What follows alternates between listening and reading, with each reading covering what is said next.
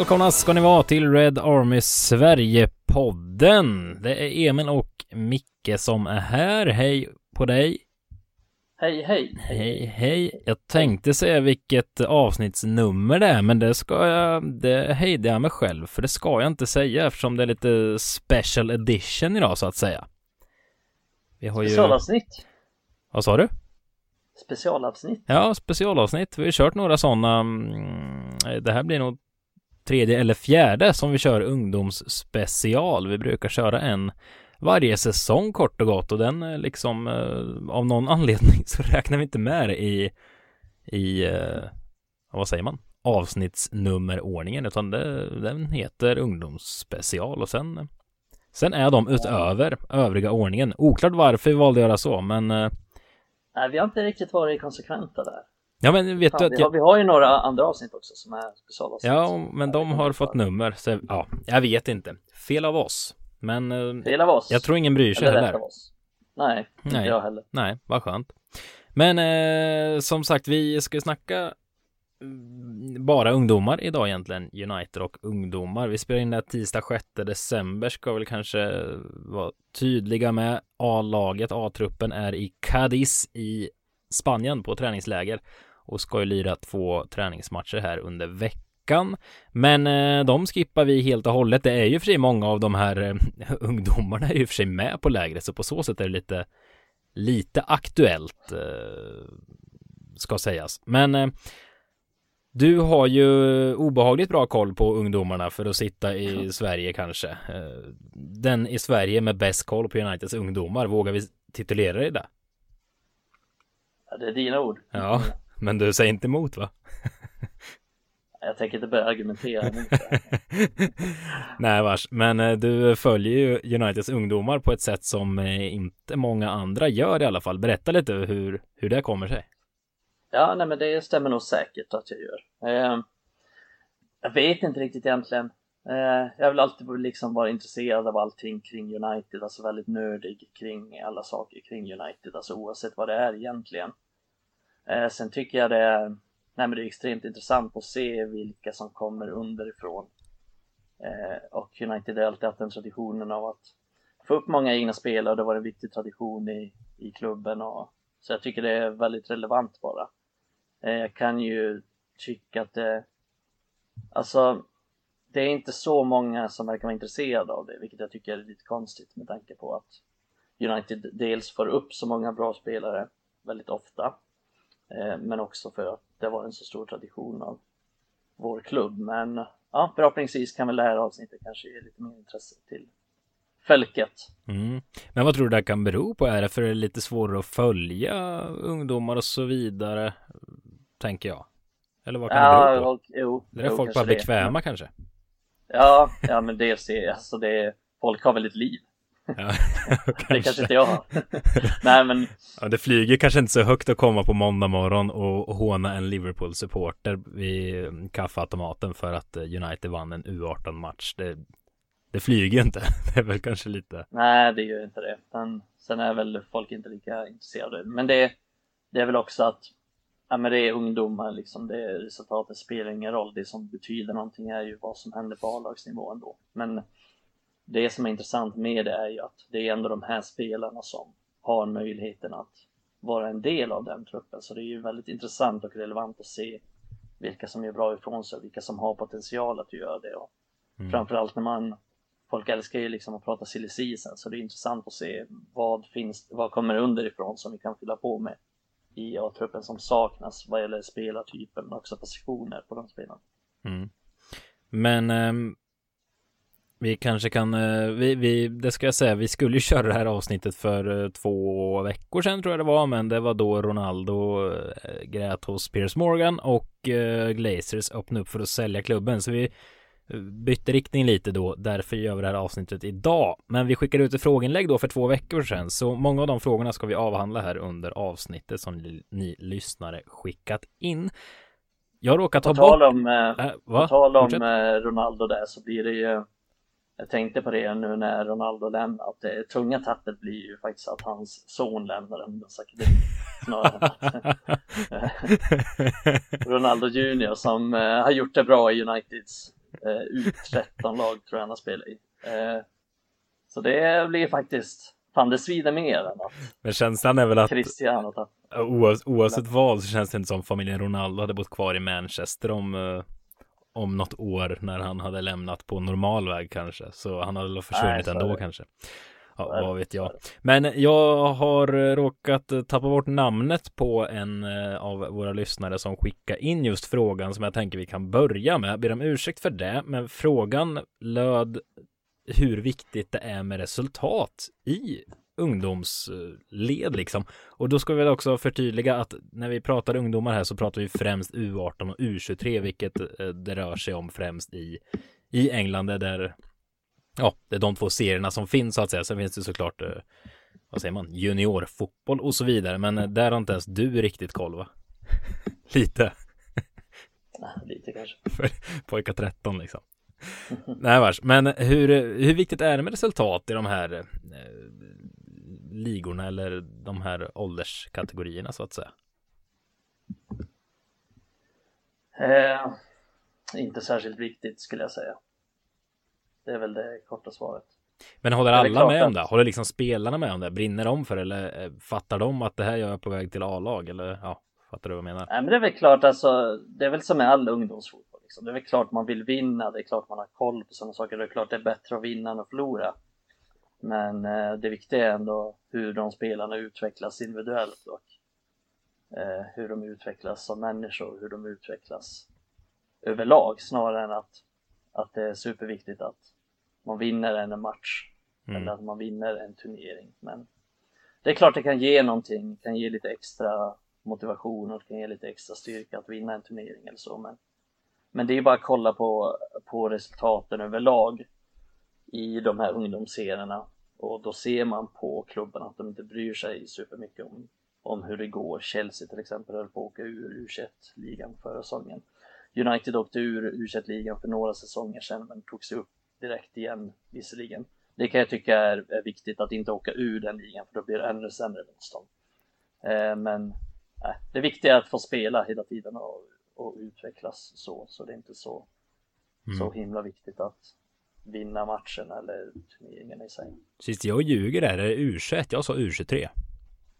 Eh, det var U23 tidigare men de, eh, de håller på, de gör om de här serierna så ofta så nu heter det U21. Men alltså i stort sett så är det ingen skillnad. Nej. Det är liksom United har ju ändå en snittålder på ungefär 19 år i Mm. de serierna och det hade de även när det var U23 och även nu när det är U21 så att det, det är alltså enda skillnaden är egentligen att liksom ålderskategorin men den har ändå inte spelat någon roll för United. Nej, men man tänker ändå, alltså om man ser till United, alltså alla känner igen liksom Class of 92 som det kallades när liksom, ja, den generationen slog sig fram och från ungdomsled. Ehm, och sen vann man ju eh, FA Youth Cup var det väl man vann för några år sedan också då när Paul Pogba och lite lirare, Lingard och de var ju där.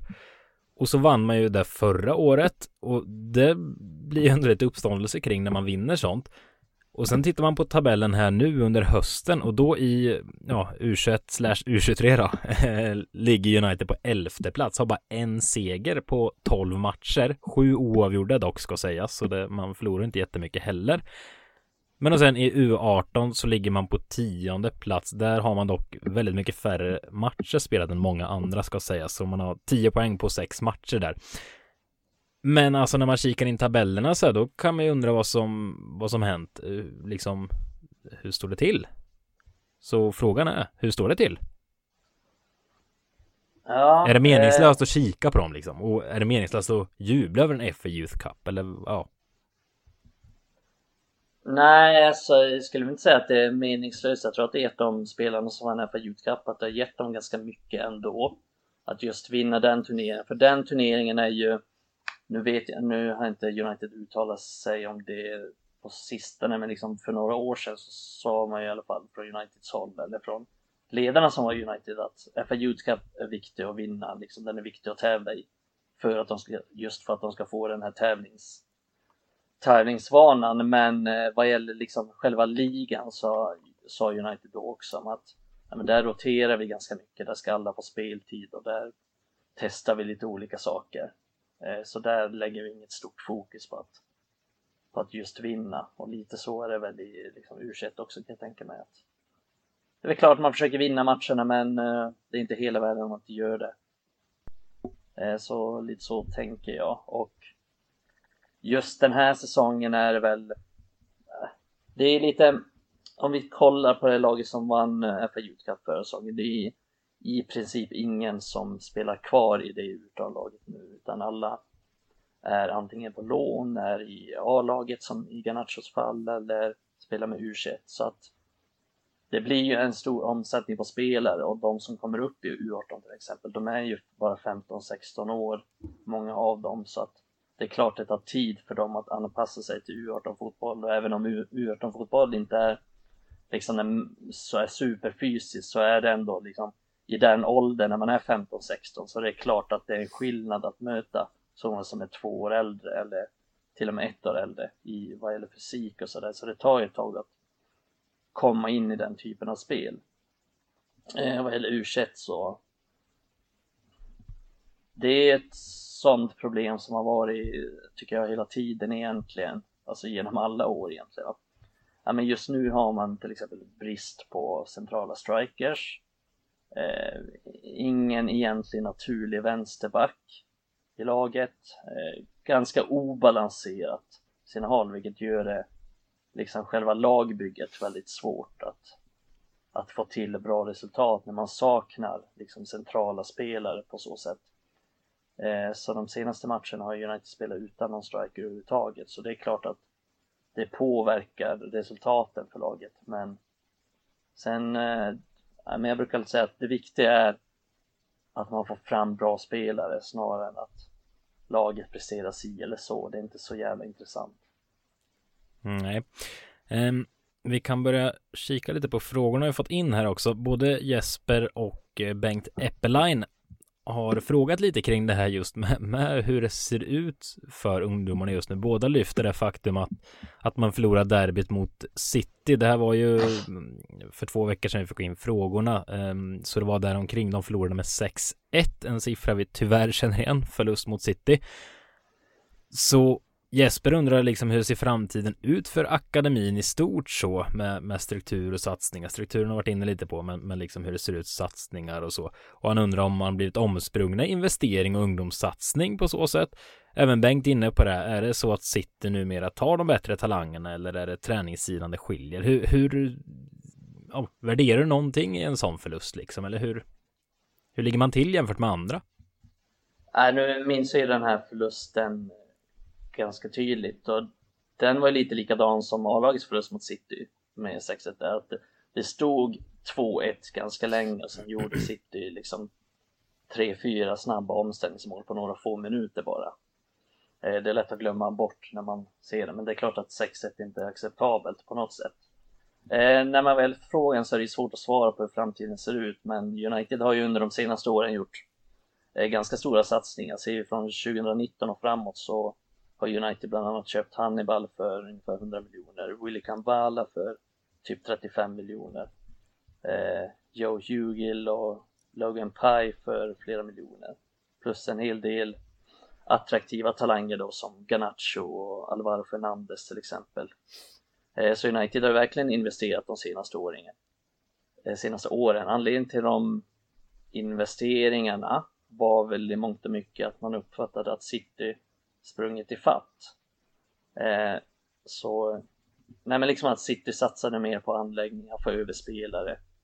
Eh, jag tycker, eh, Charlie McNeil är väl en sån spelare som illustrerade bra. Han inledde karriären i United, gick över till City när de satsade mer och kom sen tillbaks eh, 2020 när United börjat satsa lite mer. Så att, ja men City har en bra akademi och oändligt med resurser så det är klart att och de är också en klubb som har satsat mycket på just akademin. Alltså de har inte bara satsat på a de har ju satsat mycket på anläggningar i akademin och de satsar mycket pengar på akademin.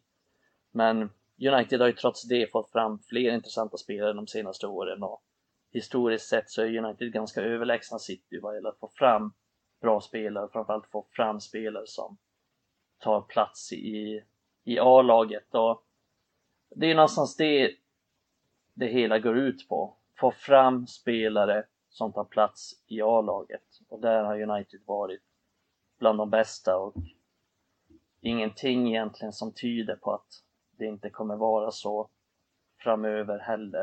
Eh, för det ser vi hela tiden. Och med Garnacho som färskt exempel, även om man kan argumentera för att Garnacho inte är helt och hållet fostrad i United såklart eftersom han har kommit dit för bara några få år sedan. Men ändå en spelare som har gått genom U18, gått till U21 och sen tagit sig upp till A-laget så United fortsätter att producera bra spelare och City har väl förvisso fått fram ganska bra spelare med Foden som bästa exempel på sistone men det är ju fortfarande så att United är i topp där och ja, som sagt, någonstans det som räknas.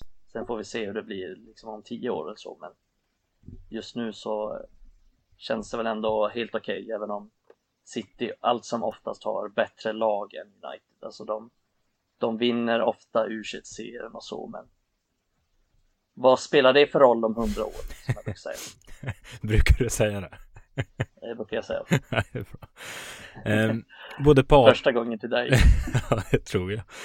Uh, både Patrik och Rasmus undrar lite kring det här Just, eh, ja men du nämnde eh, ett par eh, killar där som man har liksom värvat för en ganska god summa pengar i vissa fall ändå. Och Patrik undrar liksom hur scoutar man om det är någon del av världen man har större fokus på? Och Rasmus lägger också in det här med Brexit, hur det kan påverka med tanke på att United ofta haft större inslag av internationella spelare så. Och det var väl lite här i där kring Brexit att man panikköpte tänkte jag säga, men visst var det väl så att man värvade upp en liten en, en liten armada där för att det sen blir trubbel att värva utifrån som man gjort förut. Mm, eh, så var det verkligen. United hävdade ju att man inte gjorde det Brexit, utan man hade ja. liksom eh, att man behövde fylla på att det fanns luckor i akademin, liksom att det fanns platser att fylla. Men det är väl såklart inte hela sanningen. Jag tror att de passade på väldigt mycket innan innan eh, Brexit slog till så eh, ja, nej men eh, men hur gör man då? Alltså det är inte, alltså man fattar ju hur det går till när man värvar eh, Casemiro liksom som alla vet vem det är. Men alltså hur, hur mycket scouter och skit finns det egentligen? Alltså hur hittar man en 15-åring någonstans i Frankrike?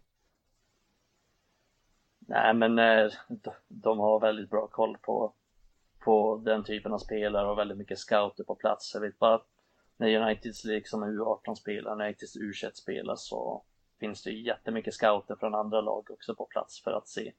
Eh, så det är ju därför det är klart, nu känner ju såklart de flesta till typ spelare som Hannibal och Alvaro Fernandes men eh, lag som Birmingham och Preston till exempel, de var ju såklart och såg de här spelarna spela på Uniteds u mycket förra säsongen och försökte därför såklart få in dem till deras lag och hade en eh, tanke med dem. Så det är klart att det finns även andra lag som kollar på United-spelare, men sen det är klart att United har koll på om det finns en 15-åring som är bra i Barcelona, det är ju liksom inte att hålla hemligt. Eh, så det är ju någonstans inte så imponerande att man lyckats hitta talanger i Barcelonas akademi, eh, Atletico Madrids akademi, Real Madrids akademi. För det är ju någonstans det United har gjort de senaste åren.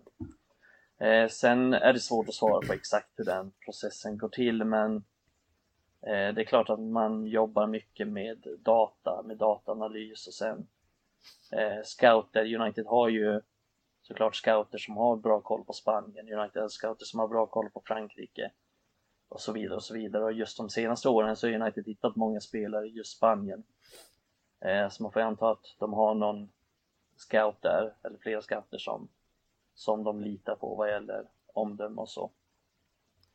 Men sen har United också betalat ganska mycket pengar för vissa av de här spelarna. Ta Hannibal till exempel som eh, som kom från Monaco och United betalade 100 miljoner för så att det är klart att det prisades, trissades ju upp av liksom alla andra storklubbar som också ville ha honom.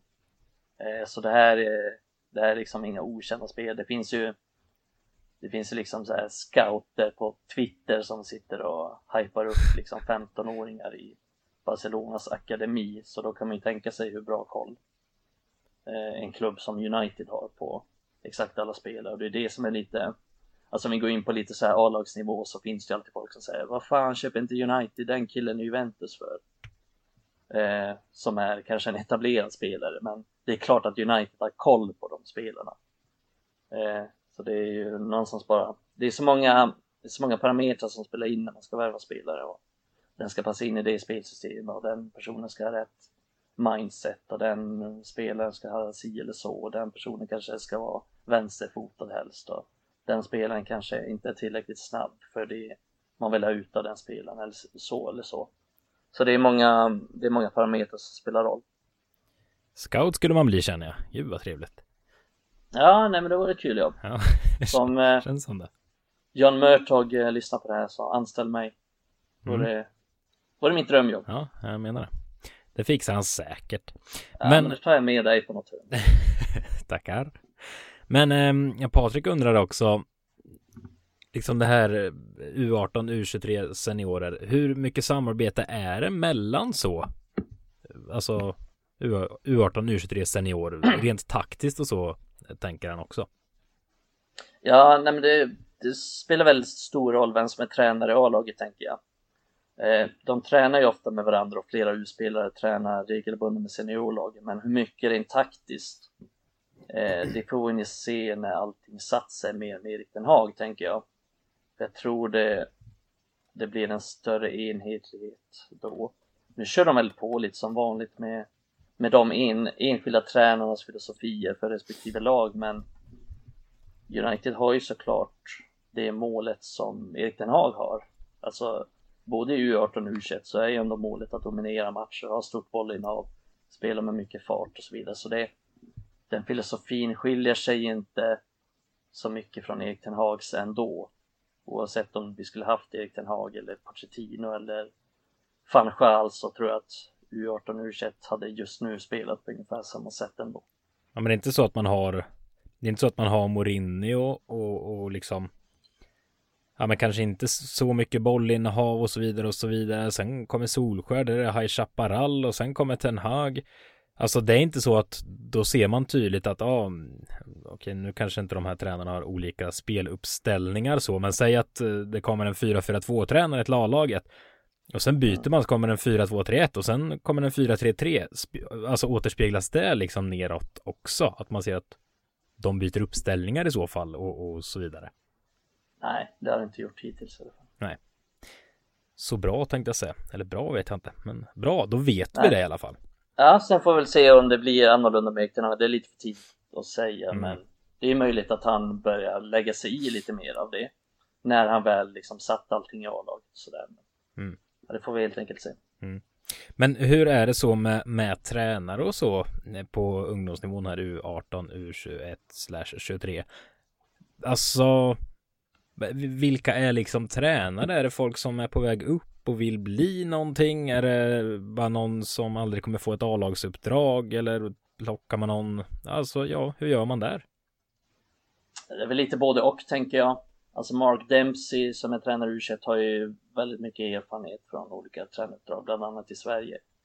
Eh, och är väl liksom ingen ung tränare så på uppgång. Så det är väl lite, han ses väl lite som en rutinerad, stabil räv liksom att ha organisationen, varit med om mycket, testat olika fotbollsfilosofier och så vidare och så vidare. Men är väl ingen stjärna. Eh, Just Mark Dempsey är väl en sån som jag tänker inte blir kvar så länge heller. Eftersom han gör det ganska dåligt med U21 får man ändå säga. Eh, sen finns det Travis Binion i U18 som är en ganska ung tränare som är på väg upp och så. Som är, är men ganska duktig och vettig är min uppfattning. Från det lilla man kan tolka av liksom hans resultat. Det var en som vann U18 eller Youth Cup förra säsongen. Eh, bland annat. Så eh, han tycker jag gör det bra och är en ganska ung tränare på väg uppåt lite. Sen hade ju United Kieran McKenna tidigare i U18 innan han blev assisterande tränare i A-laget och nu är huvudtränare i Ipswich. Eh, så det är lite en, en liten blandning av det. Oftast är U18-tränaren kanske en sån som har varit tränare i U16 tidigare, liksom jobbat sig upp genom akademin på så sätt. Medan den som tränar i U21 oftast är en ja, men lite mer stabil, balanserad, rutinerad tränare. Det är, Jag vet inte om det finns något uttalat, det kan säkert skilja sig åt.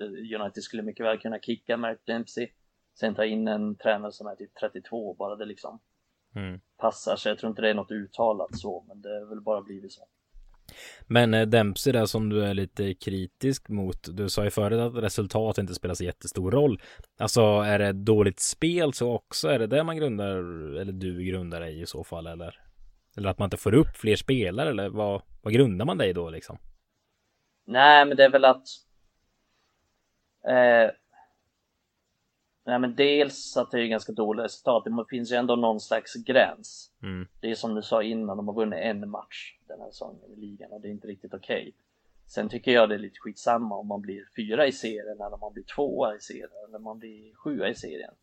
Men United ska liksom inte slåss där i botten, speciellt inte med tanke på att United har äh, men jävligt bra spelarmaterial ändå. Eh, det som är liksom störande med honom är väl att han ställer upp laget på fel sätt tycker jag och att han ibland tar ut spelare som kanske inte jag tycker är särskilt bra och använder spelare på det eller det sättet. Så det är väl mest sådana saker men också att laget gör samma misstag liksom match efter match. Att det inte riktigt ser någon, eh, ser någon utveckling under honom som lag. Eh, men sen är det som jag sa tidigare att det viktiga är ju hur spelarna utvecklas individuellt och eh, även om United, Uniteds eh, u lag har gått dåligt många gånger så har man ändå fått upp spelare därifrån till A-laget så att det är ju oftast inte hela världen men man vill ju såklart att laget också ska gå så bra som möjligt. Det är ju roligare att vinna och det är roligare att se om allting går bra och det är säkert en lite mer positiv utveckling att att vinna lite mer än att förlora hela tiden, även om jag vet att United har en ganska stark filosofi och det är en ganska, nej men det är en klassisk liksom, så här, psykologisk filosofi också, att man lär sig av, man lär sig mer helt enkelt när man förlorar än när man vinner. Eh, så det är ju nyttigt såklart att få några förluster då och då, men det är väl kanske inte nyttigt att förlora, förlora varenda vecka som u nästan, höll jag på att säga gör, även om de spelar en hel del oavgjorda matcher.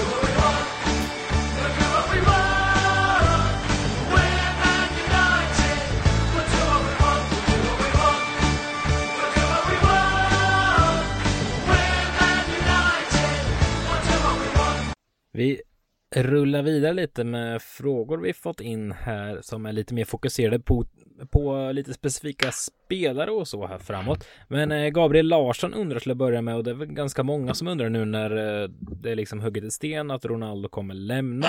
Vi vet hur det är med Martials skador och så finns Rashford, Elanga. Alltså forwardspositionen är ju tunn, något så fruktansvärt. Och då skriver Gabriel att vi behöver ju som sagt en ny forward, helst i januari. Men frågan är vad som finns i akademin och vem på den positionen som har störst chans till A-lagsspel längre fram. Vad tänker du där? Finns det någon som man liksom skulle kunna flytta upp nu som kan Ja, det är väl ingen som kliver upp och gör 20 baller här under våren. Det, det ska man aldrig hoppas på. Men finns det någon som liksom skulle kunna fylla ut en plats ändå? Göra någon nytta? Nej, det, det, finns det inte. Och det är väl det jag har sett lite som problem med anfallspositionen också. Det är liksom, hade det funnits någon sån, då hade jag ju bara sagt skicka Ronaldo långt åt helvete och så har vi, flyttar vi upp någon spelare. Men det finns inte någon som är, som är redo för det och det finns inte någon som är tillräckligt bra för det. Jag tror inte det finns någon som är, liksom jag ser ingen striker i U18 nu, eller i U21 nu, som någonsin kommer bli bra nog för United, ens som truppspelare tror jag. Eh, så det ser ganska mörkt ut på just den positionen, men vet inte om det liksom är så konstigt heller. Det verkar inte som att någon klubb egentligen producerar någon bra nia och Men de finns också... ju knappt längre. Han är Nej, utdöende art också... alltså. Nej men exakt, och vi vet ju det Deppigt. när vi liksom, vi vill ju ha, United söker efter en ny nia, en ny striker. Och då ser man ju liksom att när man skrolla över hela marknaden hur, hur få det finns. Och, och det är inte så att Barcelona producerar någon nia av världsklass eller att Bayern München gör det eller att Real gör det. Det är ju nästan ingen klubb som får, alltså ingen av de här stora klubbarna som får fram någon särskilt intressant striker egentligen ur deras egen akademi så det är helt klart en, en svår position att ja, Anmärkningsvärt alltså. Vad spelar i. Det, det bara mm. slår mig nu, vi ska inte prata om det, men det räcker ju med att kolla VM nu. Det är inte jättegott om spännande nior alltså.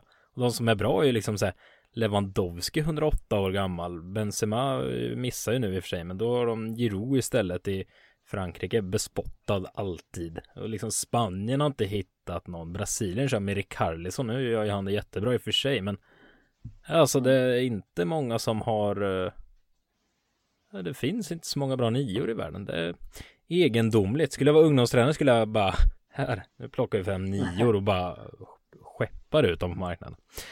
Men men, eh, Gabriel undrar också, eh, vem är den senaste egna nian United har haft? För det känns som att det var väldigt länge sedan United hade en nia från egna leden.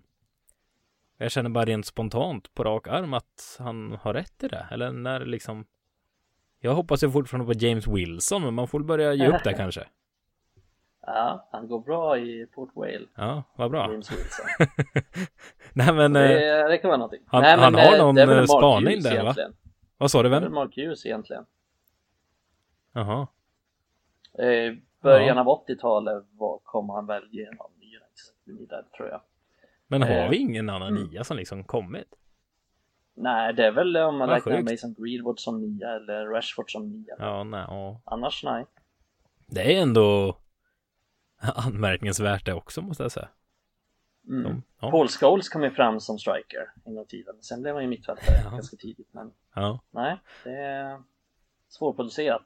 Ja, anmärkningsvärt. Det, ja, det ska jag göra ett gräv på någon gång. Vad hände med alla nior? Ja, men det tycker jag. Gör det mm. för Radiosporten. Mm, kan bli. Ska se vad de säger om det. Ehm, um, Mergim, vår kära landsfader tänkte jag säga på Red Army Sverige. Han undrar lite kring två spelare som ändå tillhör A-truppen på olika sätt och vis. Vem av Ahmad och Pelistri har bäst chans att ta en plats i laget i framtiden? Liksom vem som har störst potential? Och finns ens chansen för, för någon av dem i och med att Antoni verkar ha tagit ett bra grepp om den platsen? Vad, vad tänker du där om de spelarna som ändå folk, folk säger? Ja, där känner nog de flesta som lyssnar igen de namnen och sett dem en del. Ja, bra fråga. Eh, jag skulle säga att Ahmad har störst chans. Eh, United har satsat mer på honom. Han har större grundtalang tycker jag. Mer potential som spelare. Eh, men Peristre är helt klart en gedigen spelare med, vilket de flesta såg i VM som, som såg Uruguay. Så jag tror Peristre får en bra karriär, men jag tror inte den blir United och det blir egentligen bara min känsla så här. Han får inte spela någonting, han får inga chanser överhuvudtaget egentligen. Eh, är väl liksom, jag tror inte han är den här liksom högklassiga framtida ytten. Eh, men Ahmad tror jag kan bli en United-spelare framöver. Jag tror han kan bli ett bra komplement till Anthony redan nästa säsong. Problemet med Ahmad är att han fortfarande väger ganska lätt och fortfarande är ganska orutinerad på seniornivå vilket har gjort att många har ifrågasatt värvningen på så sätt. Men det är helt klart en spelare för framtiden och jag tycker hans touch, hans balans och teknik och spelförståelse tillhör toppen i Uniteds seniorlag redan nu faktiskt. Så han har alla de här egenskaperna för att kunna bli bra. Alltså det viktiga är att han får speltid, utvecklas, bygger på sig muskler, bygger på sig erfarenhet och liksom kommer in i det här i det här seniorspelet, för det är trots allt en stor skillnad på att spela ungdomsfotboll. Eh, han är faktiskt en av de bästa jag någonsin sett i Uniteds eh, u lag när han spelar där. Eh, förra säsongen och säsongen innan det. Brutalt jävla bra, helt överlägsen. Vilka är de andra du har satt, sett som varit så, så bra? Du sa att han var en av de bästa menar jag. Mm, Vilka har du där eh, uppe? Pogba, Pogba, eh, eh, Ravel Morrison, Greenwood. Det är väl de tre, fyra där som jag skulle säga har, mm. är bland de bästa jag har sett mm. i, i Uniteds akademi. Så att Ahmad har ju liksom den, den potentialen och, och nej men får han alla de här bitarna på plats, vilket han har börjat få nu Sunderland, han gör trots allt väldigt bra ifrån sig i Sunderland i Championship och jag såg en Sunderland supporter som sa att Eh, han är lätt, som sa att han är lätt en av de bästa spelarna i ligan. Eh, så han var helt, helt lyrisk över Amads insatser och jag har väl sett sett en del av Ahmad i Sunderland nu på sistone och, och han har nej men han har varit väldigt bra och det, det tar ett tag och jag tror att folk har så lätt att glömma det att vi vill gärna, vi, det känns som att det här samhället och tiden vi lever i nu, det ska liksom vara snabba fix och det är snabba pengar och det är snabba liksom kickar som ska slå in och det är TikTok och det är snabba swipes liksom och vi vill att allting ska hända nu men och sen vill vi gärna jämföra med typ så här, ja men när Rooney var 18 ja men då gjorde han mål i Champions League för United, då gjorde hattrick i Champions League och när Ronaldo var 18 så gjorde han minsann hur bra ifrån sig som helst i United. Men alla är inte Ronaldo eller Rooney. Jag tror att det är viktigt att komma ihåg det att de flesta som slår igenom, de flesta som kommer fram är som bäst när de är alltså efter 20-årsåldern. Liksom, och det finns jättemånga exempel. Ta Giroud nu till exempel i, i Frankrike. Fan man känns, det känns som mycket VM-paralleller nu när man ja, det, tittar mycket på VM. Det är okay. Men det är också en spelare som, liksom när han var i Amads ålder, han spelade ju för fan knappt i franska tredje ligan eller så. När han var i den åldern och, och det är ju det är så många som går den vägen och jag tror att folk glömmer bort lätt att utveckling inte sker linjärt. Liksom. Det är inte bara om du tar det steg och sen det steg utan det är ofta två steg bak och ett steg fram och det är lite hackigt på vägen och, ja, och vissa behöver mer tid än andra och så vidare och så vidare. Så att jag, jag har stora förhoppningar på Ahmad för att han har de här grundegenskaperna som man behöver och som är svåra att få. Det är, liksom, United är inte dumma i huvudet, det är därför de betalade så mycket pengar för honom och det var ju jättemånga andra klubbar som ville ha honom också såklart. Så det är en, när, man, när man ser honom så ser man att han, han har extremt mycket fotboll i sig så att det gäller att få ut den potentialen och det är såklart, det är såklart inte säkert att han kommer lyckas i United heller men han har extremt bra förutsättningar att göra det. Mm. Men jag tänker också där du är inne på mm, med, med utveckling och så där. Jag tror många låser fast sig också och tänker att det, det är fotboll A, B, C bara. Men alltså 18-åring, normal 18-årig person också. Alltså det sker så mycket utveckling rent kroppsligt och mentalt också i den åldern. Det tror jag, alltså jag tror det är många som glömmer det i fotbollssammanhang. Man ser Ja, men för, för liksom fotbollsutbildning nu för tiden är ju så extremt bra på många sätt och vis. Så det, känslan är att det dyker upp många som liksom är 17-18 år och tar världen med storm, liksom Jude Bellingham typ. Och man undrar vad det är frågan om. Man har sett, ja, nu VM igen, men så här, Musiala var bäst i Tyskland under VM, Gavi och Pedri springer runt på Spaniens innermittfält. Alltså det är så här, och, och då tar man det för givet, ja men här är 18-19-åringar som dominerar på världsscenen. Och så tänker man att, ja, är någon 20 och mm. inte har slagit igenom så är det ett misslyckande, men alltså, ah, jag tror, alltså, herregud, när jag var 18, jag, jag hade nog inte rakat mustaschen en enda gång i mitt liv, för jag var rätt sen. Alltså det är så här.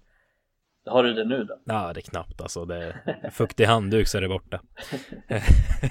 Nej, men jag tror många bara Noppa morrhåren med en pincett. Tar en sån Födelsemärke som det växer. Tar en sån, eh, tar en sån rulle som man har till eh, till jackan ute, rocken. Rulla bort mustaschen. Ja, ja, okay. Ja, Nej, men jag tror, jag tror verkligen det ligger något i det. Att många, ja, mm. man kan inte jämföra spelare som är 18 år med varandra riktigt. Nej, det, men man kan inte jämföra någon med någon annan heller. Precis som att jag och du liksom inte, vi kan inte jämföra oss bara. Fan, den är Emil är bättre på det än vad jag är. Fan Nej. vad kass jag är. Liksom man är. Man utvecklas olika, man är bra på olika saker och så vidare och så vidare. Det just Ahmad har ju den här att han är väldigt liten, liksom nätt i kroppen, ganska kort inte särskilt välbyggd fysiskt. Så det är klart att han har haft det svårt i början mm. av eh, liksom en seniorkarriär. Och speciellt kommer liksom Tänk också att han är från Elfenbenskusten, var i Italien flera år så kom han till United Får liksom ingen speltid Får spela lite ungdomsfotboll, blir utlånad till Rangers i Skottland du kan ju tänka själv. Liksom. Ja, men det är svårt steg. Jag tänker omständigheterna. Alltså, på ett du, personligt plan liksom. ja, och tänk eh, faktiskt, det slår mig nu, alltså omständigheterna kring, kring eh, pandemin och allt också. Det kan inte varit underlättande heller komma, som du säger, från Elfenbenskusten vid Italien till Manchester och, och sen, ja, kanske lite knackigt på fotbollsplanen och så kommer en jävla pandemi, man får sitta och häcka och glo, alltså det, ja, det, allt är Mm. inte eh, raka,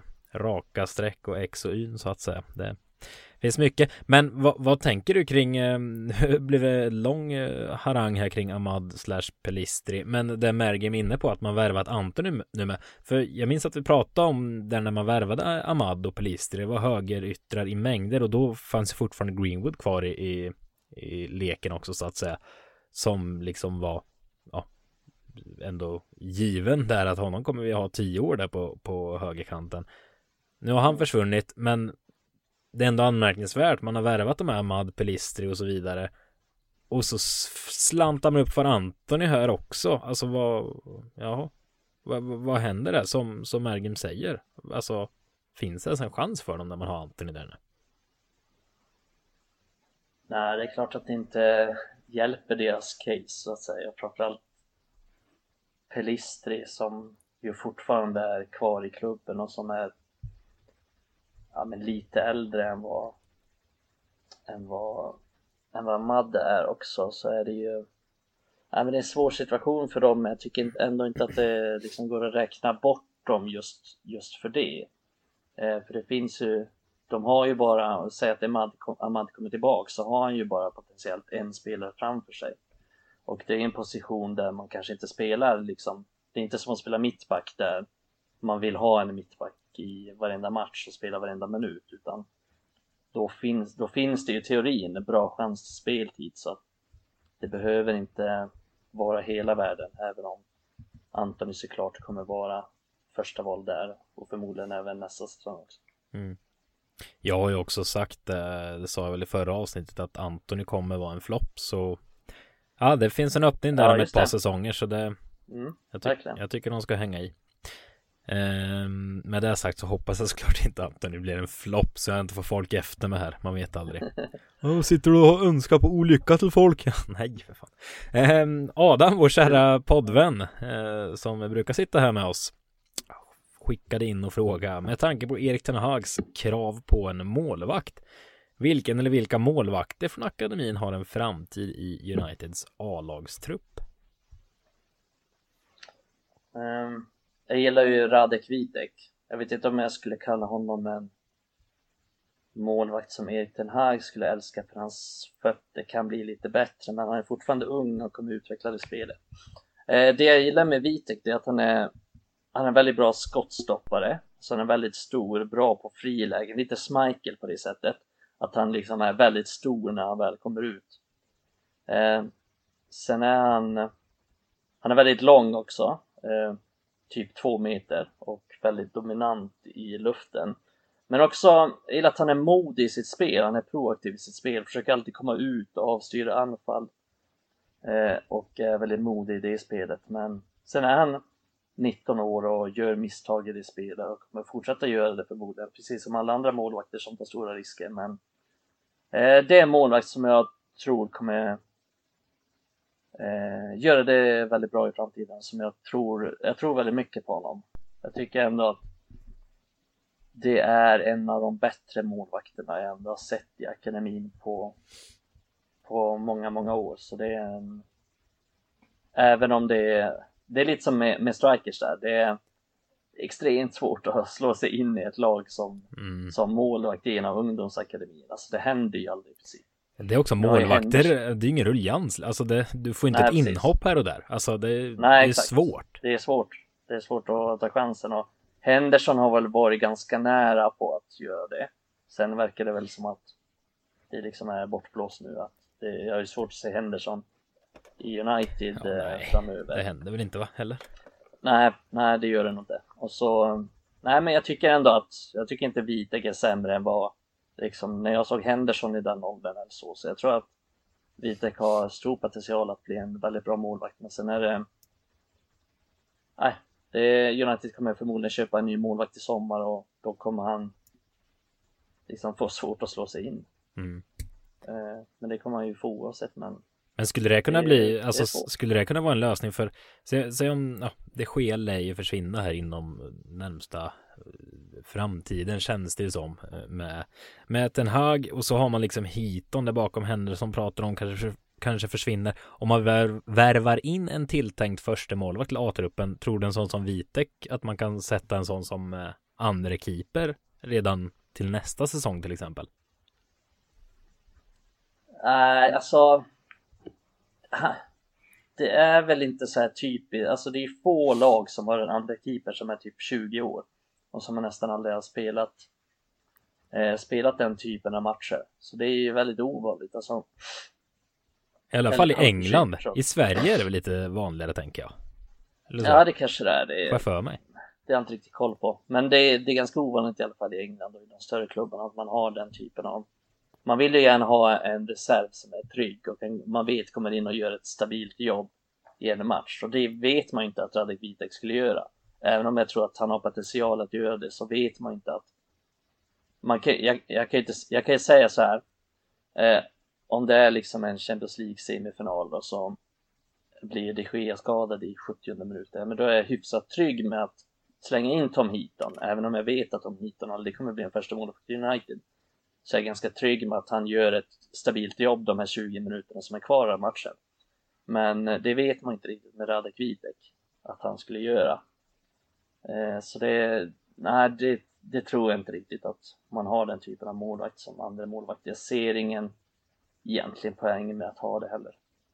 Utan han, han var väl bäst av att få spela regelbundet, liksom att få erfarenhet och eh, bygga på sig mer kunskap. För att det är ju någonting United har gjort bättre än de senaste åren. Tidigare så lånade man ju sällan ut målvakter, men nu har United lånat ut flera målvakter de senaste åren, bland annat till liksom så här lag i National League, liksom utanför CL-systemet också. Och det tycker jag är bra. För att en målvakt behöver spela, en målvakt behöver utsättas för tuffa situationer och jag tycker att som utespelare så kanske inte det ger liksom så här Hannibal skitmycket att spela i National League där det bara är liksom en stor gröt på mitten och det inte blir något spel. Liksom. Det är inte så utvecklande för honom. Men som målvakt tycker jag det är nyttigt för det är liksom ja, det är ju samma skott som kommer i National League som kommer i League One, även om de avslutar kanske lite bättre. Men det är, du förstår vad jag menar, det är Mm. samma typ av fotboll, det är samma typ av... Matchsituationer, liksom. inlägg, det är matchsituationer, exakt. Ja. Eh, så det tycker jag är nyttigt, en nyttig grej som United börjar göra mer och mer. Men eh, jag bara sitter och funderar här nu. Eh, vi pratar om eh, nior som kommit upp i A-laget genom historien. Målvakter kan man eh, räkna på något finger också känns det som väl. Det är jag som är okunnig här.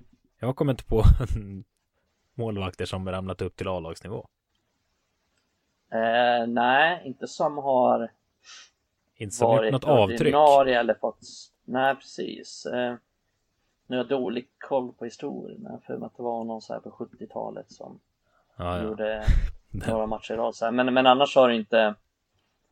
Nej, annars har det egentligen inte varit någon. Det är väl Nej. Henderson som är närmast egentligen. Kom en sån som eh, Tomas var det. Kutschak från ungdomsleden. Eh, nej. Nej, du ser. Ont om det. Däremot har ju United, liksom, United haft ganska många bra målvakter på, på ungdomssidan så, förutom Henderson då så till exempel Golini som var i Atalanta länge och var i Tottenham nu senast också bland annat. Men Mm. också Milinkovic som, var ordinarie, som är ordinarie nu i Serbiens landslag. Mm. Målvakten och, och Robert Schieler bland annat som var tysk landslagsmålvakt också som var i Uniteds akademi. Och, Sam Eh, och så Johnston vidare och så vidare. Sam Johnston som det har gått bra för var också i Englands landslag och härjade där ett tag. Mm. Eh, Så United har varit med och producerat ganska många bra målvakter men det är ju fortfarande det steget. Det, det är liksom, ja men det är ju bara att kolla på de målvakter United har haft de senaste åren. Det är, det är egentligen liksom, om vi kollar på de tre mest etablerade, då är ju, Det är ju Peter inga. Schmeichel, van der Sar, de Gea. Ja, det det, ju det går så långsamt så det är otroligt. liksom. Ja, och det är toppen av, av hyllan någonstans också. Ja. ja, men en målvakt står ju så, eller speciellt har det varit i United nu, men alltså det är de flesta lagen då. Man, man hittar en målvakt man trivs med så står den i, i liksom tio år. Alltså det är likadant i mm. de andra topplagen tänkte jag säga. Ja men så här Liverpool och City till exempel. De, de hittar varsin målvakt för ett gäng år sedan här nu. De, de står ju där konstant. Det väl, ja, Chelsea värvar fler målvakter än vad andra lag värvar spelare då, förutom Nottingham. Men eh, det här känns som man, man hittar en målvakt och då liksom kör man ju på honom rätt länge. Det är rimligt att det är ja, svårt att slå sig upp för de stackarna. Ja, nej men exakt. Och det är, du måste i princip vara topp fem i världen för att vara första målvakt i United. Mm. Ja, är det målvakt skulle man bli eller inte bli? Jag vet inte, jag måste fundera på vilket som vilket ben man väljer där. Staffan, ja, Staffan Nordin Söderlund undrar vad är läget med Hugill? Joe Hugill och han är ju faktiskt en anfallare. Eh, minns till och med jag att det pratades lite om honom för ett par år sedan, men vad, vad sysslar han med då? Mm. Nej, varit skadad nästan hela säsongen. Eh, United går inte ut med någon info om att spelare är skadade eller så på ungdomsnivå så att det är svårt att veta detaljer där men har, jag kan tänka mig att det har någonting att göra med att han är väldigt lång och gänglig och sådär, vuxit mycket den senaste tiden och i den åldern så brukar det resultera i en del skador så att säkert någonting med det att göra men ja, skadad nästan hela säsongen så inte spelat mycket. Jag tror han har gjort en eller två matcher eller något sånt. Jag ser live nu att han har en match i Premier League 2. Spelat 31 minuter. Gjorde mål. Mm. Ändå starkt. Men eh, vad, vad är det för en, någon spelare? Du har ju Du har ju slaktat att det inte finns några nior lovande underifrån. Eh, han är inte heller det med andra ord. Nej, alltså det, inget fel på den spelaren så, men jag tror inte att det är en spelare som som tar en plats i United, varken i truppen eller i, i någon startelva. Så, men det han är, det är ingen dålig spelare så, men mm. det gäller ju att vara samma där, lite samma som i målvaktssituationen där. Du måste vara liksom en generational talent liksom för att slå dig in på den positionen. Mm. Det är ju lite lättare om du är en eh, högerback kanske, då kan du göra ett, ett bra jobb även om du inte är den Eh, den allra mest talangfulla eller så. Mm. Nu blir det smalt här tror jag, för nu kommer namn som inte gemene man sitter på tror jag. Axel Utbult vill veta allt Mikael vet om She Lazy. Frågan är din. Kul fråga. Nej men det är... Han är ju 15 år tror jag bara. Så nej, men det är en väldigt teknisk och sevärd spelare som alla andra vänsterfötter. En spelare med bra spelsinne och bra dribbler och en sanslös frisparksskytt. Gör många mål på frispark. Um, Tillhör han U18 då eller nej, på snuddar eller är han, han ännu längre gjort, ner eller vart håller han hus? Ja precis. Han har gjort några minuter med U18 så att jag kan inte påstå att jag sett honom sjukt mycket. Men jag har sett honom i några sådana här ungdomsturneringar och sen de få minuter han har spelat U18 också men tror han är född kring, jag kollar nu, jag googlar, född 14 april 2027. Herregud. Var det inte då United eh, slog Roma med 7-1?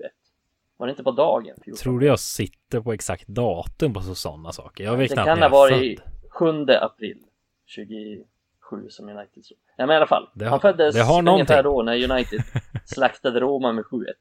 Var en sån sak? Förstår du vad, ja. Jag brukar inte åldersnoja men lite fick jag nu ändå. När snubben föddes alltså när United slog Roma med 7-1 och ja, ja. ja, nej, ja. Fortsätt. Och när Ronaldo som fortfarande spelare oh. spelar eh, var i sitt esse. Oh. Men eh, Lazy, ja, nej, man spelar ju regelbundet med Englands U-landslag vilket ofta är tecken på kvalitet. För även om United har liksom jättemånga bra spelare så är det inte direkt hela Uniteds ungdomstrupp som spelar med Englands U-landslag så det är oftast bara de bästa. Om vi tar dem i Uniteds typ U18 nu och så är U-lag nu som spelar med England hyfsat regelbundet så är det typ Kobe Maine och det är eh, Choretire och det är Dan Gore och den typen av liksom de bästa talangerna kan man säga i Uniteds akademi som gör det bara. Så att Hugh Gill och sådana där, Charlie McNeil, de får inte ja, de har gjort, såklart gjort u-landskamper tidigare men de är inte sådana som är regelbundet i Englands landslag. Eh, så det är ändå ett tecken på kvalitet, men jag behöver, jag behöver se mer av honom helt enkelt för att, för att kunna bedöma honom. Men han har imponerande kvalitet än så länge. Bra teknik och bra vänsterfot. En offensiv mittfältare eller yttermittfältare är han, mm. kan sägas. Hannes Svensson undrar, vem blir nästa Revel Morrison talang som kunde blivit? ja, tänk om jag visste det. Talang som kunde blivit. Har alla koll på Morrison? Jo, det har nästan alla va? Han var ju, ja. du nämnde honom en förut som en av de bästa du sett i ungdomsled. Ja. Men det blev mm. inte så mycket av honom. Han dök väl upp i, vart var det i Sverige han dök upp? Östersund var det. För det är ju bara två år sedan eller något. Sen dök ja. han upp i West Ham och grejer. Jag vet inte riktigt vart han håller hus nu, men det... det... DC United i med Rooney. Ja, Rooney hade honom i Derby också. Just det, mäktigt ändå. Han, ja, ja, Rooney såg väl honom när han dök upp och var bäst i världen på A-lagsträningarna när han var liksom 17 bast eller något. Ja, han snodde någonting av Rooney vill jag minnas. det är kul. typ snodde hans telefon. Ja, Nej, men han är väl nämnd, Sir Alex skrev väl det i sin bok vill jag minnas, så att eh, liksom sjukaste talangen att han skulle bli bäst i världen, men sen.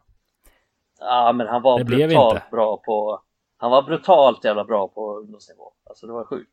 Han ja. spelade i samma lag som Pogba och, och väldigt många andra bra spelare, bland annat Michael Keane som är Everton nu, eh, Will Keane bland annat, Sam Johnson också för den delen. Men han var ju bäst i det laget trots att Pogba också var jävligt bra. Eh, så det säger ju en, en hel del mm. eh, om hur bra han var. Eh, det här med nya Roy Molson. Greenwood. Ja men det, den, eh, den fusk. Det, okay. Nej, men, då, det, det är omöjligt att säga. Ja, Vadå? men Greenwood är ju av... Det måste ju vara någon som är ja, men Green... bra nu, men som floppar. Ja, men Greenwood är ju av extraordinära eh, omständigheter så att säga. Det, det, det är inte en fotbollskarriär som liksom uh, fejdar ut en, ja. Ska jag säga Charlie McNeil då? Det är många som mm. tror, att, tror på honom, bland annat vår kollega Rasmus som sa att Charlie McNeil kommer vinna Ballon d'Or ändå. Eh, men jag tror inte... Gillar självförtroendet ändå. jag vet, men det är klassiskt Rasmus. Älskar Rasmus. Ja. Eh, och jag hoppas att Rasmus får rätt av hela mitt hjärta. Eh, men jag tror inte Charlie McNeil blir så bra. Nej. Så jag säger väl att det är nya Raven Morrison då. En spelare, för det snackas ganska mycket om Charlie McNeil och det är mycket hype kring honom och sådär. Kom, kom, gjort mycket mål i City och kom tillbaka från City till United i uppmärksammat fall och, och så vidare och så vidare. Så det, det är mycket hype kring honom, men jag tycker inte att han är så bra.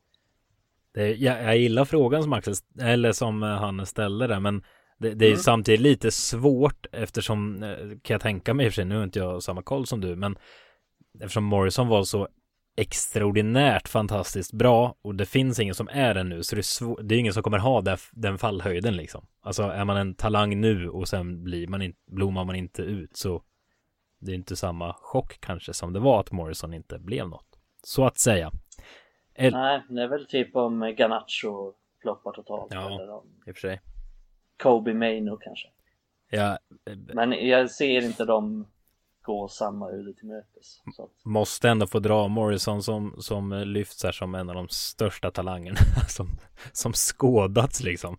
Hans, eh, hans karriär efter att han lämnade United ramlade över till West Ham. Därifrån lånades han ut till Birmingham, QPR och Cardiff.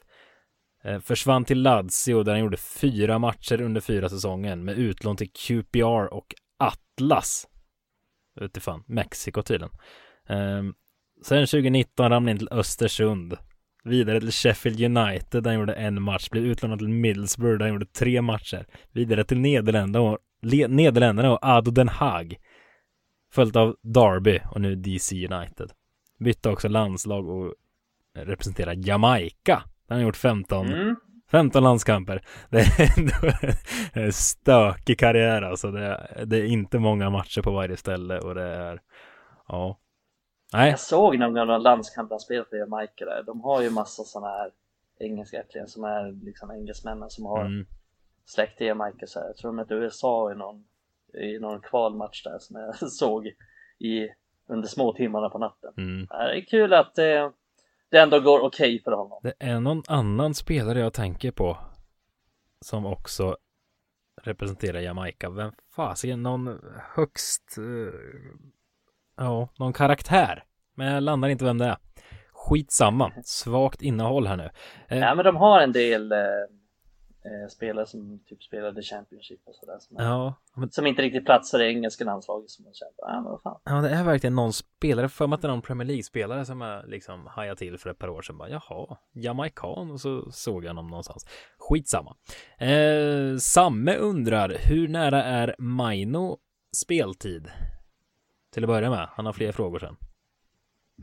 Kobi Maino, innermittfältare va? Som du har lovordat. Mm. Ja, nej, men jag tror ändå att Maino är ganska nära, men det har nog varit svårt för Erik. Ja, jag är Erik med honom. Erka. Det, det var svårt för er, Erka att integrera yngre spelare när han väl vill sätta ett spel, när han vill utvärdera de seniorspelare som finns och, och så vidare. Så det är lättare att få in yngre spelare när man väl har satt sitt spel och satt sitt lagbygge. Så jag tror Maino kommer, kommer få debutera ganska snart, men och han har ju redan varit på bänken en gång tidigare. Eh, så jag tror inte det är så långt borta, men jag tror att det hade kommit tider om, om vi hade haft det här trygga grundspelet, om vi hade haft en, ja men säg att Sir Alex hade tränat då, då tror jag han hade fått debutera. Det är inte för att Sir Alex är mer villig att ge unga chansen än Ten Hag, utan mer för att det inte har varit ett tryggt lagbygge, en, inte en särskilt positiv miljö och så vidare. Eh, men jag tror att han kommer få debutera ganska snart ändå. Mm. Eh, Samme undrar också hur stora talanger är Lewis Jackson och Ibra inom citationstecken. Jag vet inte vem Ibra är, vet du? Jo, jag tror jag menar Inte Ibrahimovic. Ibrahimov. Ibrahimov som heter Amir Ibrahimov som är Hopp.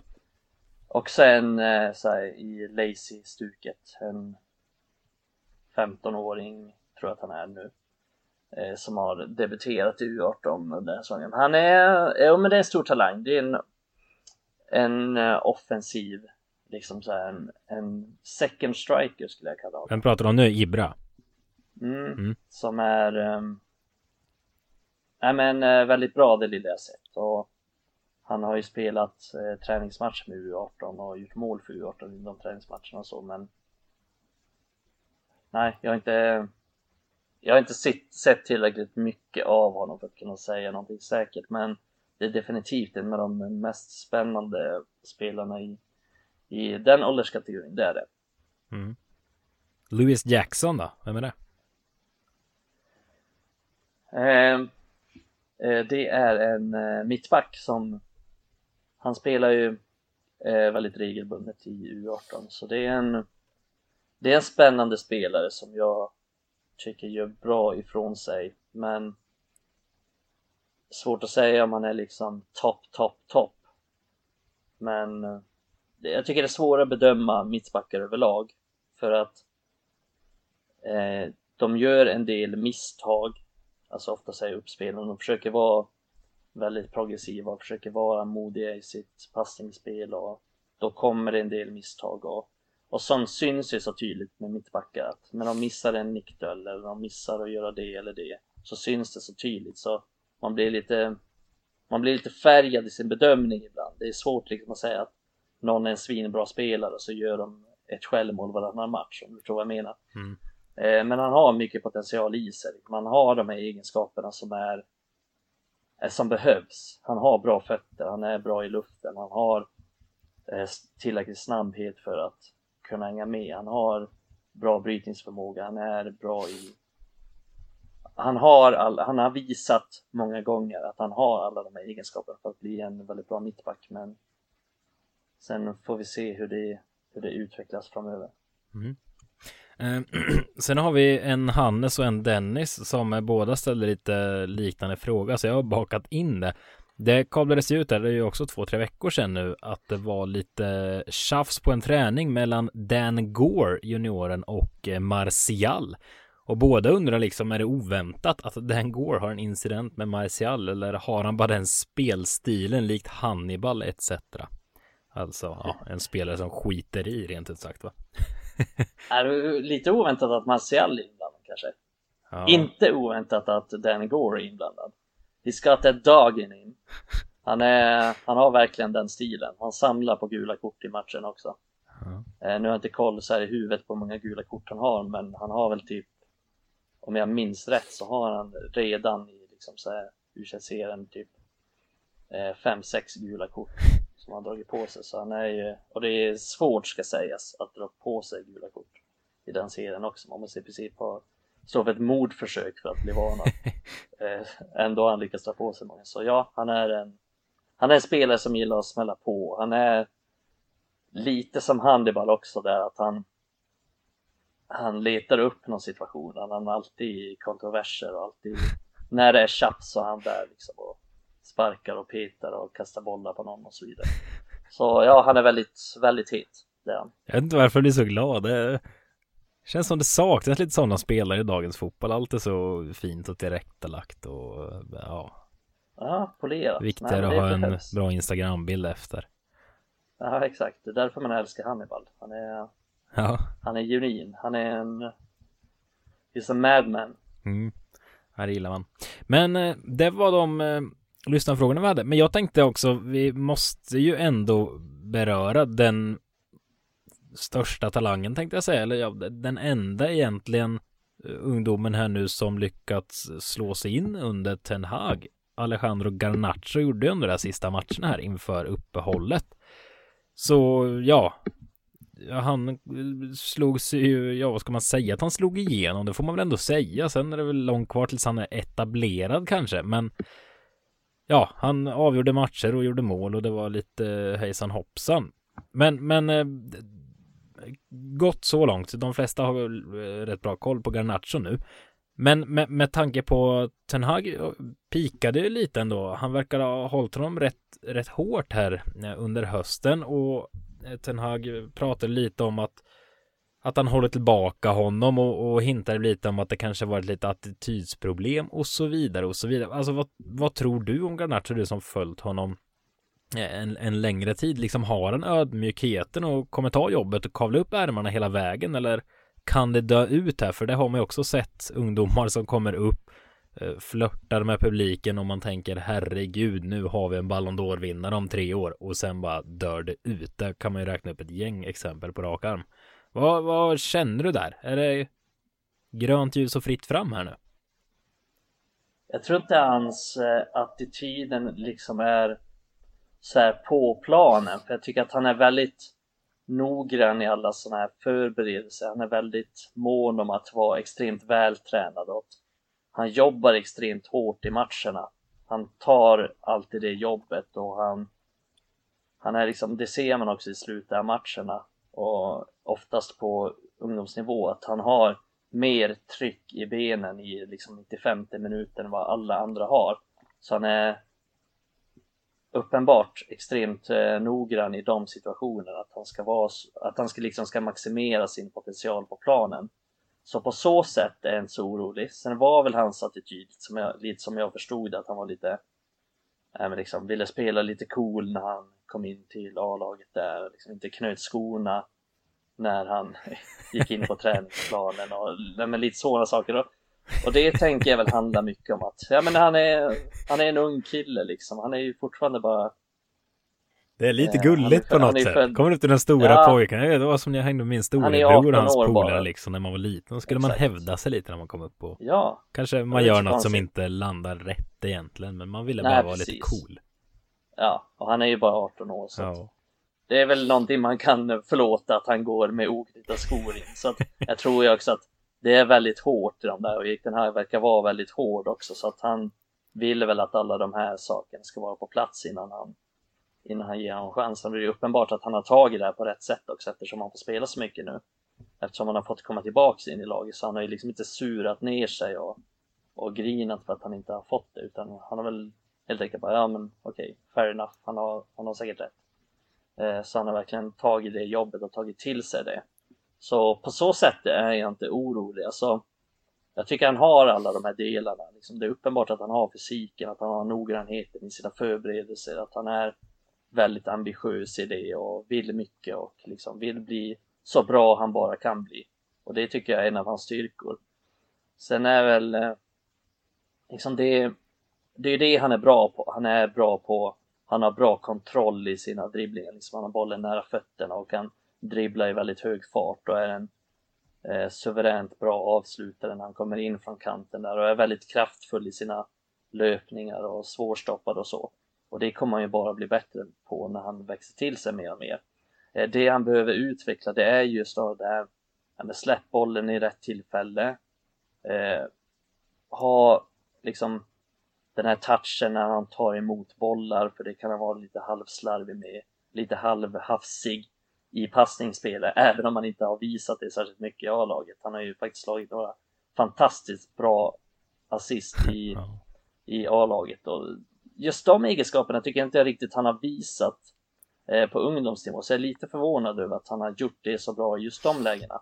Men eh, ta det här målet mot Fulham till exempel, de sakerna gör han ju liksom hela tiden i, i U-laget, men det gäller att få den här jämnheten att göra det hela tiden för att nu tror jag, nu har inte, han har inte spelat så mycket i A-laget och när han väl har spelat så har det varit lite, ja men lite kortare inhopp och då, då gör han skillnad. Han är en sån spelare som varje gång han kommer in så gör han skillnad och det tror jag aldrig kommer ändras och det kommer vara likadant fast han är 18 och fast han är 25. Han har den stilen, han vill gå direkt framåt, han sätter sin prägel på matchen men det som han har varit lite sisådär i på ungdomsnivå och det är naturligt i den åldern, det är att han han kan försvinna lite ur matcher ibland och det tyckte vi såg lite när han startade mot Aston Villa. Att, det, det är svårare att starta en match och vara bra i 90 minuter. Det är lättare att komma in och vara bra i 20 minuter kanske. Eh, så det är någonting han kan förbättra och som han kommer behöva förbättra. Att få till den här jämnheten, att vara bra i 90 minuter, att ta rätt beslut varje gång. För det är det som är svårt också.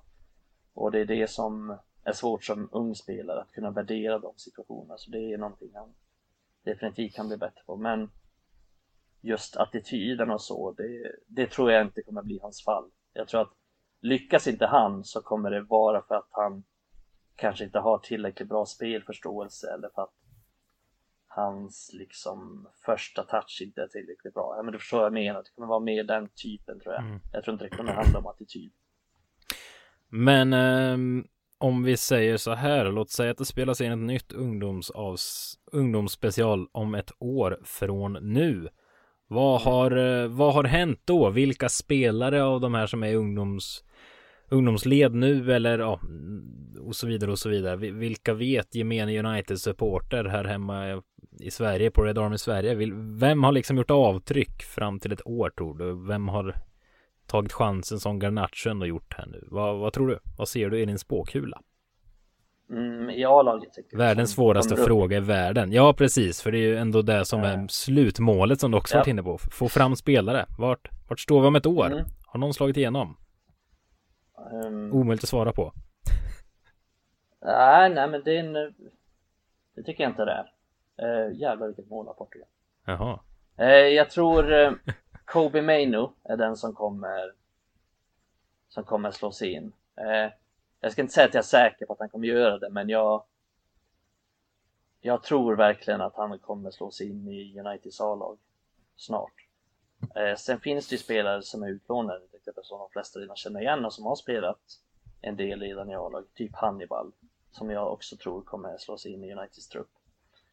Bara han, bara han får chansen att göra det, bara man har tålamod med honom så tror jag att han också är tillräckligt bra för att, för att kunna göra det. Och sen gillar jag verkligen Alvaro Fernandez som är utlånad till Preston, men det, det är hård konkurrens på vänsterbackspositionen. Jag skulle nästan säga att Luke Shaw är världens bästa vänsterback just nu. Plus att Malaysia i och för sig inte ska spela men är liksom i, i Hollands VM-trupp. Ett Holland som ska spela VM-kvartsfinal så att det är ju sjukt stor konkurrens på den platsen får man ändå säga och ingen av dem är ju, är ju särskilt gammal heller.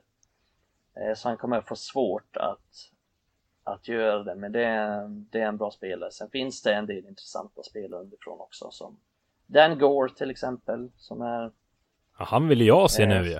Efter, ja, efter som också är en, eh, är en, är en innermittfältare liksom, som är eh, bra i båda riktningarna och har liksom mycket energi i sig och mycket stor arbetskapacitet. Men samtidigt är, har den här höga tekniska skickligheten också.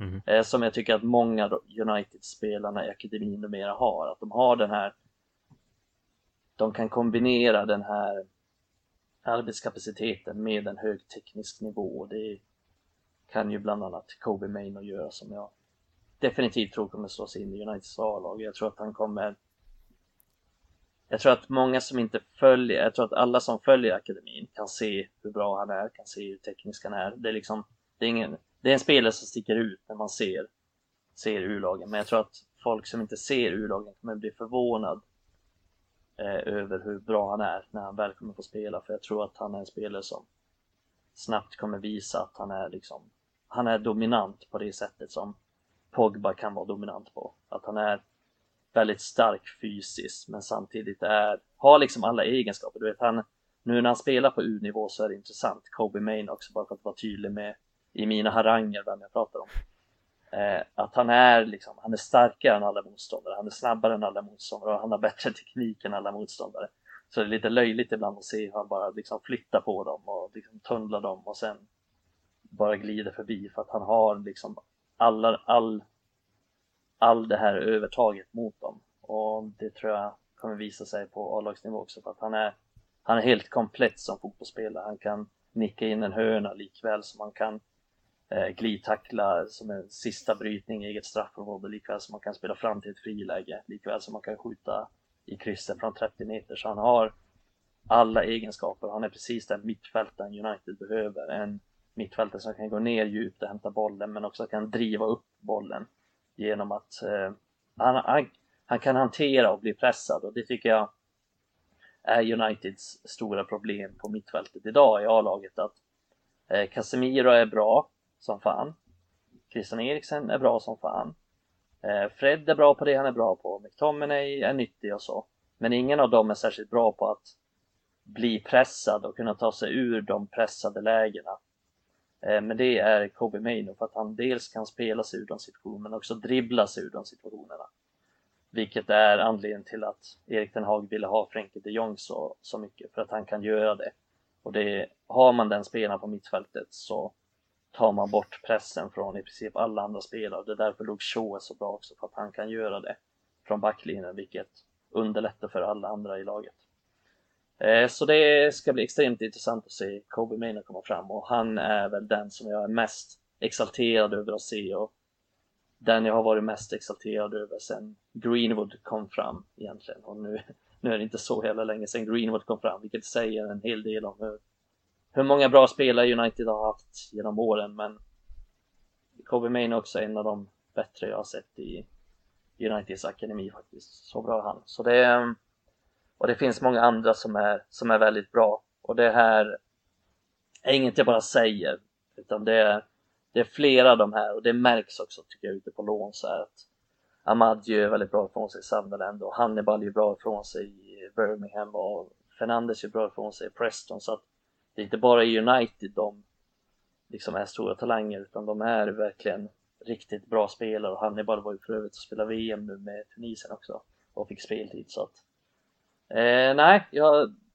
United-supportrar eh, borde vara väldigt exalterade över hur många bra spelare det kommer upp. Eh, så att vi har, eh, vi har mandat att vara positiva på flera sätt just nu faktiskt. Mm. Kul! Ser du fram lite extra mot här nu den här träningsläger och det är eh, matcher mot Cadiz och Real Betis den här eh, veckan. Det är ju extremt många unga spelare som eller extremt många, men det är ju ganska rimligt eftersom många var iväg på VM, 12 eller något sånt. Um, och ingen av dem är med och Jadon Sancho är inte med bland annat för han går på något eget träningsschema och allt vad det är. Så det är ju, alltså man får ju knappt ihop en startelva med A-lagsspelare så det är ju, ja, mer än hälften är liksom ungdomar som är med här nu. Ser du fram emot det lite extra då och kika på? Ja, men det gör jag definitivt. Eh, det är en väldigt bra chans för dem också att sätta sin prägel och just för Kobe Maynard som bland annat ska med där. Att verkligen visa att han är hemma på den nivån. Mm. Det roligaste är nästan att se, nu vet inte varken du eller jag exakt hur man kommer liksom ställa upp och tänka de här matcherna. Men det, det roligaste blir ju om man liksom kör en så att säga A-lag ena matchen och fyller på med några av ungdomarna där. De blir nästan mest intressanta att se då när de i alla fall får spela med de här A-lagsspelarna som är med. För det är ju ändå Eh, en hel drös duktiga spelare med från A-laget. Så de är nästan roligast att se, för annars blir det som att se en ungdomsmatch om du förstår vad jag menar. Det, det är lite svårt att säga om man ser Maino ihop med de andra ungdomarna vad han egentligen bidrog med. Men ser man Maino spela ihop med, med van de Beek och, och McTominay på innermittfältet, då kanske man ser att herregud, Maino är överlägset bäst av de här också. Vad spännande. Så det, mm. nej, det ska bli väldigt ja, precis så. kul och kul att se. Är det något du inte fått, uh, fått uh, av ditt hjärta kring ungdomarna? Har vi missat något? Nej, ni, ni som lyssnar har ju fått ställa frågor så ja. jag hoppas det, det, är upp till er vad det blir det här. Jag sitter bara här och svarar på det jag fått till. Ja, nej, vi hade fått in bra frågor tyckte jag, så jag skickade inte ens ut någon ny, eh, någon ny här när programmet, eller programmet, avsnittet sköts upp. Eh, hoppas att ni som lyssnat ända hit eh, tyckte det var trevligt och intressant. Då gå för fasen in och dels ska ni följa oss på Twitter, eh, poddkontot Red Army Sverige podden. Men eh, dig kan man också följa på Twitter. Du, eh, du uppdaterar ju faktiskt om ungdomarna lite där eh, titt som tätt också tycker jag mig se. Eh, mm. Det får man inte missa. Följa världens bästa ungdomsögon på United i världen. Världen. Världen. Ja, Dina ord. Världens bästa i världen. Det säger vi. Det blir nytt avsnitt eh, nästa vecka och då har ju faktiskt eh, det så kallade A-laget spelat två matcher som sagt mot eh, Cadiz och Real Betis. Vi får se lite hur vi, hur vi lägger upp det avsnittet ska sägas. Det... Jag trodde du skulle säga då har vi A-laget med att Adam är med. Ja, det också antagligen. Tre A-lagare som utgör A-laget som har sett A-laget. Ja, så kan det gå. Vi hörs. Ha det gott allihopa. Hej! Hej!